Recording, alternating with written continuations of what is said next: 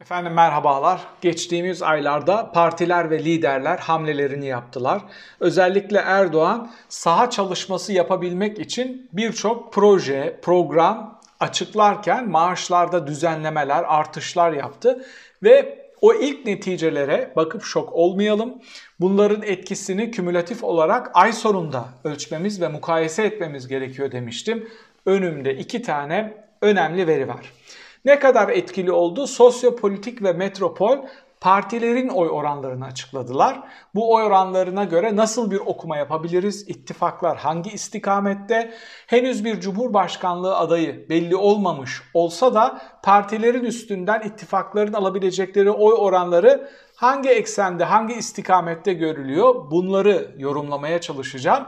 Ama büyüyen bir enerji krizi var Türkiye'de. Herkes finans uzmanı oldu, herkes enflasyon uzmanı oldu. Şimdi herkes enerji uzmanı olmaya başladı. Böyle bir tablo yok. Yani Türkiye 70'lerde Bulgaristan'dan elektrik alıyordu, sanayisini işler hale getirmeye çalışıyordu, döviz dar boğazı falan. Aynı şeyleri tartışmaya başladık. Türkiye sanayisini doğal gaz olmadığı için çalıştıramıyor, işletemiyor. Peki bunun gerekçeleri ne? Türkiye nasıl oldu da böyle bir krizin içine geldi? Hem partilerin oy oranlarını hem de içine girilmiş olan enerji dar boğazını özetliyorum.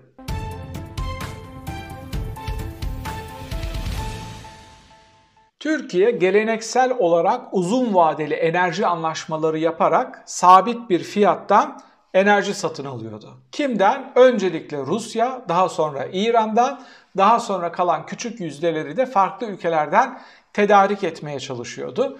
Biz bir kere şuna karşı çıkmıştık. Yıllardır bu işten anlayan akademisyenler ki ben de kısmen enerji çalıştım. Akademik çalışmalarımın bir bölümü enerji stratejisi üstüne kuruluydu.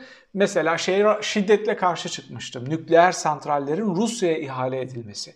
Nükleer santrallere karşı çıkmadım. O tartışılabilir. Bir program belki bir gün sırf onun üstüne yaparız. Nükleer enerji ne kadar zararlı, ne kadar kullanılabilir diye. Ama nükleer santral ihalelerinin Rusya'ya verilmesine karşı çıkmıştım. Neden? Zaten doğal gazdan dolayı onlara göbeğinden bağlısın. Tek taraflı bir bağımlılığın fotoğrafını artırmamak için aynı pakta olmadığın Rusya'ya bir de doğal gazın üstünde nükleer teknolojisini teslim etmenin mantıklı olmadığını söylemiştim. Hala aynı yerde duruyorum. Türkiye nükleer santral kuracaksa şayet bunu kesinlikle Rusya'ya vermemeli. Birincisi teknolojik açıdan, ikincisi tek taraflı bağımlılık açısından gerekçelerimde. Şimdi uzun vadeli sözleşmeler yapıyorduk ve enerji güvenliğini sağlıyorduk. Enerji güvenliği ne demek? Sürdürülebilir bir şekilde düzenli ve ödenebilir fiyatlarda enerji satın almak. Bu Berat Albayrak döneminde bunu yapmadılar ve hani son dakika biletleri last minute beklersiniz ya birisi tatilini iptal eder siz de %30 ucuzlar onu kaparsınız. Bu yöntemle enerji satın almaya kalktılar. Yani spot piyasadan açıkta olan enerjileri satın almaya başladılar. Pandemi öncesi ya da pandemi süresince bu vuku bulabilirdi. Neden? Çünkü üretim düştü, enerji ihtiyacı da düştü ve bu belki de mantıklı bir tercihti. Pandemiden sonra kısmen normalleşme başlayınca, kısmen yani pandemi olsa bile insanlar aşılı oldukları için çalışmaya gidiyorlar artık. Kısmen enerji ihtiyacı o süreçten sonra normalleş kısmi normalleşmeden sonra enerji ihtiyacı tüm dünyada patladı ve spot piyasada enerji bulamamaya başladı Türkiye. Yani uzmanlar Ankara'yı ve AKP'yi tanıyan uzmanlar şunu söylüyor o kadar kalitesiz, o kadar çapsız bürokratlar var ki artık yani ahbap çavuş e, şahsım hükümeti içinde bürokratlar bu krizin geleceğini görememiş bile olabilir. Dilleri yeterli değil, işte saha çalışmaları, alan hakimiyetleri yeterli değil ve bu düşünebiliyor musunuz? 21. yüzyıldayız. Ekonomisi üretime ve turizme bağlı olan bir ülke daha dün Çin olma hesapları yapıyorlardı enerji olmadığı için üretim alanları, sanayi durdurulmuş durumda birçok alanda, birçok yerde. Bu fotoğraf şunu gösteriyor. AKP dağıldı. Konsantrasyonunu tamamen yitirdi. Yönetemiyor. Fotoğrafı göremiyor, hamle yapamıyor ve yönetemiyor. Kendilerine olan özgüveni o kadar yüksek ki bu halk nasıl olsa bizi seçer. İşte biz bir şekilde danışmanlık satın alırız. Yine bizim kadrolarımızla burayı götürürüz. Hesapları üstünden o kadar zayıf elemanları o kadar yüksek yerlere getirdiler ki gerçekten inanılmaz bir fotoğraf. 21. yüzyıldayız ve Türkiye doğalgaz parasıyla doğalgaz satın alamadığı için fabrikalarını çalıştıramıyor. Neden fabrikalarını çalıştıramıyor? Sanayiyi durdurdular. Çünkü evlere doğalgaz veremeseler isyan başlayacak. E orada isyan başlamadı mı? Başladı. Ama sanayicinin oy oranı daha düşük, patronun oy oranı daha düşük. Yani onların sayısı daha az olduğu için orayı tercih ettiler ama oraya gelecek olan iflas, orada gelecek olan kayıplar, bunun domino etkisi olacak halk üstüne, halkın aldığı maaşlarda. Hatta üretilemeyen ve tedarik edilemeyen ürünlerin piyasadaki fiyatları artacak. Yani nereden bakarsanız bakın gerçekten sokaktan geçen 10 tane arkadaşınızı toplasanız biz bir hükümet kuralım ve şu ülkeyi yönetelim deseniz çok samimi söylüyorum şu ekipten daha iyi yönetirsiniz. Ben bu açıdan muhalefete güvenemiyorum acaba kime emanet etsem diyen kararsızları anlaya, anlayamıyorum. Bundan daha kötü ne olabilir?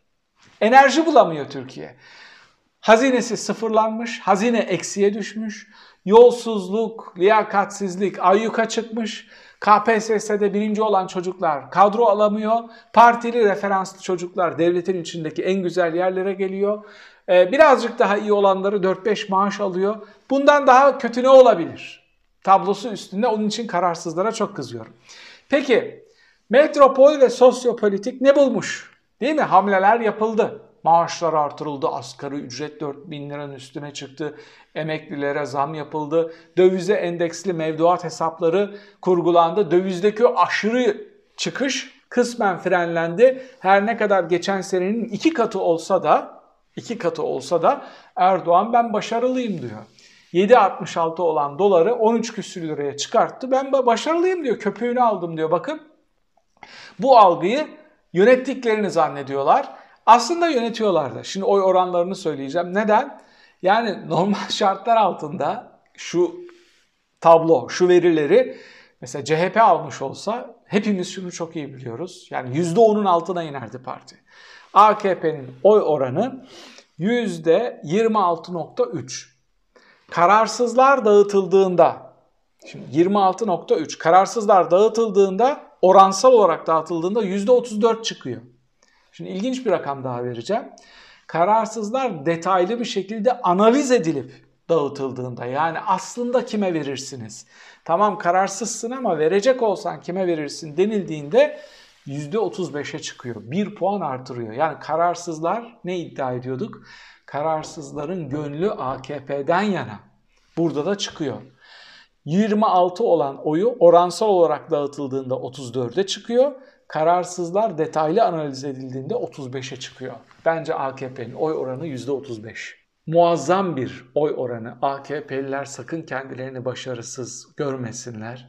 Şu rezalete rağmen, şu iflasa ve çöküşe rağmen %35 alıyor olmanız Türk tarihinin, Türk demokrasi tarihinin ya da Türk seçimler tarihinin diyelim, demokrasiyi sizlerle aynı cümlede kullanmak istemiyorum, en büyük başarılarından biridir.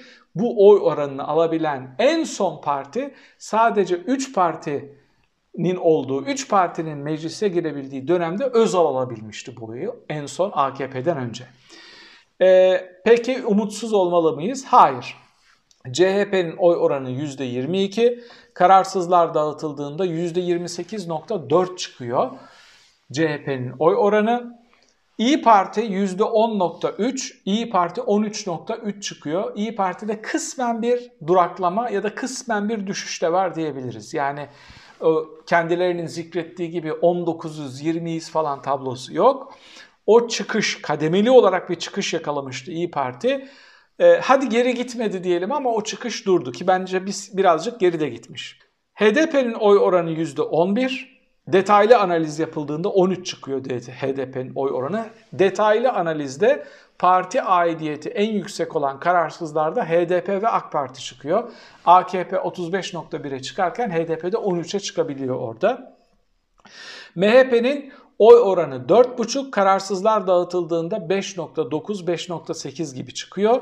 Deva Partisi 2,6, e, kararsızlar dağıtıldığında da 2,5 çıkıyor. Detaylı analizde de. Şimdi 2,5 iyi bir oran. Deva Partisi'nden sonraki partileri Metropol diğer diye açıklamış. Diğerlerin oy oranı 4.3. Burada Gelecek var, Yeniden Refah var, Memleket Partisi var.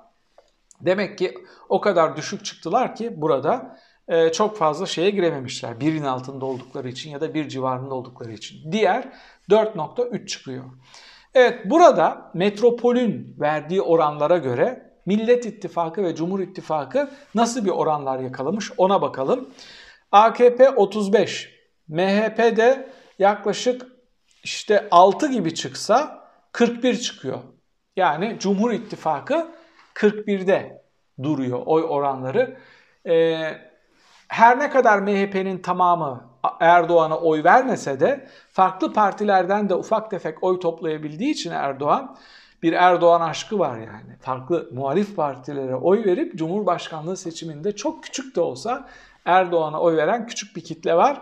Onunla birlikte Erdoğan'ın şu andaki oy oranının 41 olduğunu söyleyebiliriz.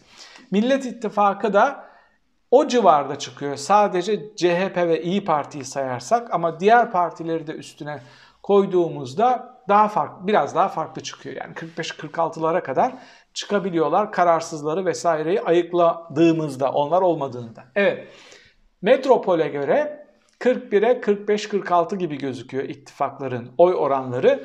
Peki tabi bu adaylar ortada olmadığı için bunu konuşmak için çok erken. Cumhurbaşkanlığı sosyopolitik sormuş, sosyopolitik araştırmalar. Cumhurbaşkanlığı hükümet sistemi sizce başarılı mı sorusu. Bu ilginç bir soru. Neden? Sadece sistemsel bir analiz yapmak için değil, Türkiye'deki memnunları ve gayrimemnunları görebilmemiz için. Çok iyi diyenlerin oy oranı 24.3. Yani bunlar başarılı demişler. %60'ı ise başarısız diyor. Hep bu %60'a geliyoruz. Dikkatinizi çekerse ben bir %55-60 bandının altını çizmeye çalışıyorum. Çok farklı sorulardan. Hep karşımıza 55-60 bandı çıkıyor. Ben de buna şöyle diyorum. Bu memnuniyetsiz kitle potansiyel bir millet ittifakı seçmenidir. Doğru aday, doğru program, doğru vizyonla %55 oy oranını tutturabilir çok rahat bir şekilde Millet İttifakı'nın adayı. Peki son ekonomik politikaların ülke ekonomik iktidarın ülkeyi ekonomik krizden çıkartabileceğini düşünüyor musunuz sorusu var. Neden bu soru çok önemli? AKP'nin işlediği şey şu. Evet kriz var ama sizi yine bu krizden çıkartacak olan bizizdir. Bizden daha iyisi var mı ki onlara oy vereceksiniz? Seçmen öyle demiyor. Seçmen diyor ki %25.9, 26'sı inanıyorum diyor. Bizi buradan AKP, MHP ittifakı çıkartabilir ya da mevcut hükümet çıkartabilir. %20'si kararsızım diyor, %54'ü inanmıyorum diyor. İnancını yitirmiş. Ne çıktı karşımıza? %54. %20 kararsız var. %20'nin %54'ünü alacak olsak %65 gibi gayrimemnun. Konu ekonomi olunca gayrimemnunların ya da Erdoğan ve AKP olan inancın çok daha e, düştüğünü karşı tarafa yani güvenmeyenlerin oranının çok daha yükseldiğini görüyoruz. Özet şudur. Karşımızda iflas etmiş bir hükümet var ve bu hükümet çeviremiyor, dönemiyor buradan. Peki sosyopolitik partilerin oy oranlarını nasıl bulmuş? Sosyopolitik araştırmalarda kararsızlar dağıtıldıktan sonra AKP'yi yaklaşık %33 bulmuş. Metropol ne bulmuştu? 34-35. Demek ki 33-35 bandı doğru bir band. Zaten bu anketlerin %2 yanılma payı var. Ee, CHP'yi %27.8 yani 28 bulmuş. Aynı metropolle. İyi Parti'yi 12.5 bulmuş. 13'tü metropolde aynı sonuç. HDP'yi 11,5 bulmuş. Bu da aşağı yukarı aynı 11. Detaylı analizde 13'e çıkıyordu HDP. MHP'yi birazcık yüksek bulmuş 7.6 ama aynıya yakın. Demek ki partilerin oy oranları bu eksende. Burada ne çıkıyor? İttifakların oranları AKP 33, MHP 7, 41 küsuratlarla 41 çıkıyor. Orada da 41 çıkmıştı. Burada 28. İkisini topladığımızda CHP ve İyi Parti'yi topladığımızda 41,5 gibi bir oran çıkıyor. Deva buraya katmadan, işte Gelecek Partisi'ni, Saadet'i katmadan 41-41 çıkıyor 4 parti ayrıştığı zaman.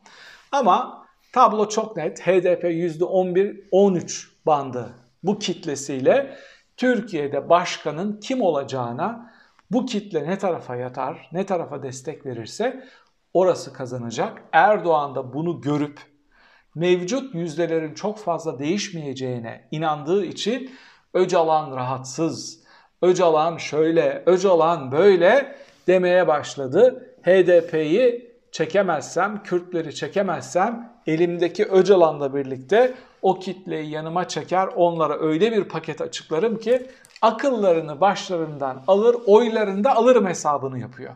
Ben şunu bekliyorum. Öcalan'dan sadece bir mektup gelmeyecek, tafsilatlı bir yol haritası gelecek. Barış olacak, biz karşılığında şu şu şu şu şu somut kazanımları alacağız ve burada o kadar somut şeyler olacak ki işte Kürtçe ile alakalı, eğitimle alakalı, belki federal yapıyla alakalı o kelimelerin de geçtiği bir program açıklayacak ve Türkiye'yi sarsacak bir tartışma sürecini başlatacağını MHP'lilerin de bunu görmezden geleceğini düşünüyorum. Erken seçim olmalı mı sorusunu sormuş sosyopolitik. Bu da önemli bir soru. %56.9 evet olmalı. 24.2 hayır olmamalı diyor. Burada da kararsızlar var. %56.9 memnun, gayri memnunların oranı yine karşımıza çıktı.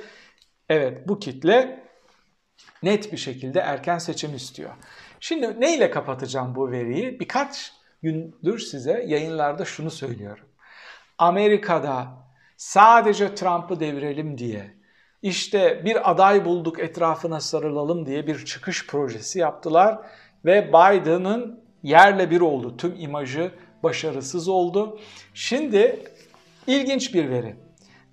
Amerikan seçmenine demişler ki bir sonraki seçimde Cumhuriyetçilerin adayı kim olmalı? Biden biliyorsunuz demokratların adayıydı. Trump Cumhuriyetçilerin adayıydı. Seçmenin %53'ü Trump geri gelmeli diyor. Evet, dersini çalışmayan muhalefetin iktidarı kısa sürüyor. Eğer vizyonunuz, programınız, bir başarı hikayeniz, yol haritanız, prensipleriniz yoksa çok kısa bir süre içinde halk eski otokrat, baskın, ahmak, despot liderini rüyasında görüp onu arzulamaya başlayabiliyor. Burası Amerika olsa bile medyanın, demokrasinin, kurumların inanılmaz derecede güçlü olduğu, geliştiği bir ülke. Buradan çıkartılacak çok fazla ders var. Siz bu oranlardan hangi dersi çıkartıyorsunuz? Yorum köşesinde bunu tartışabiliriz bir sonraki videoda. Tekrar birlikte olmak üzere efendim. Hoşçakalın.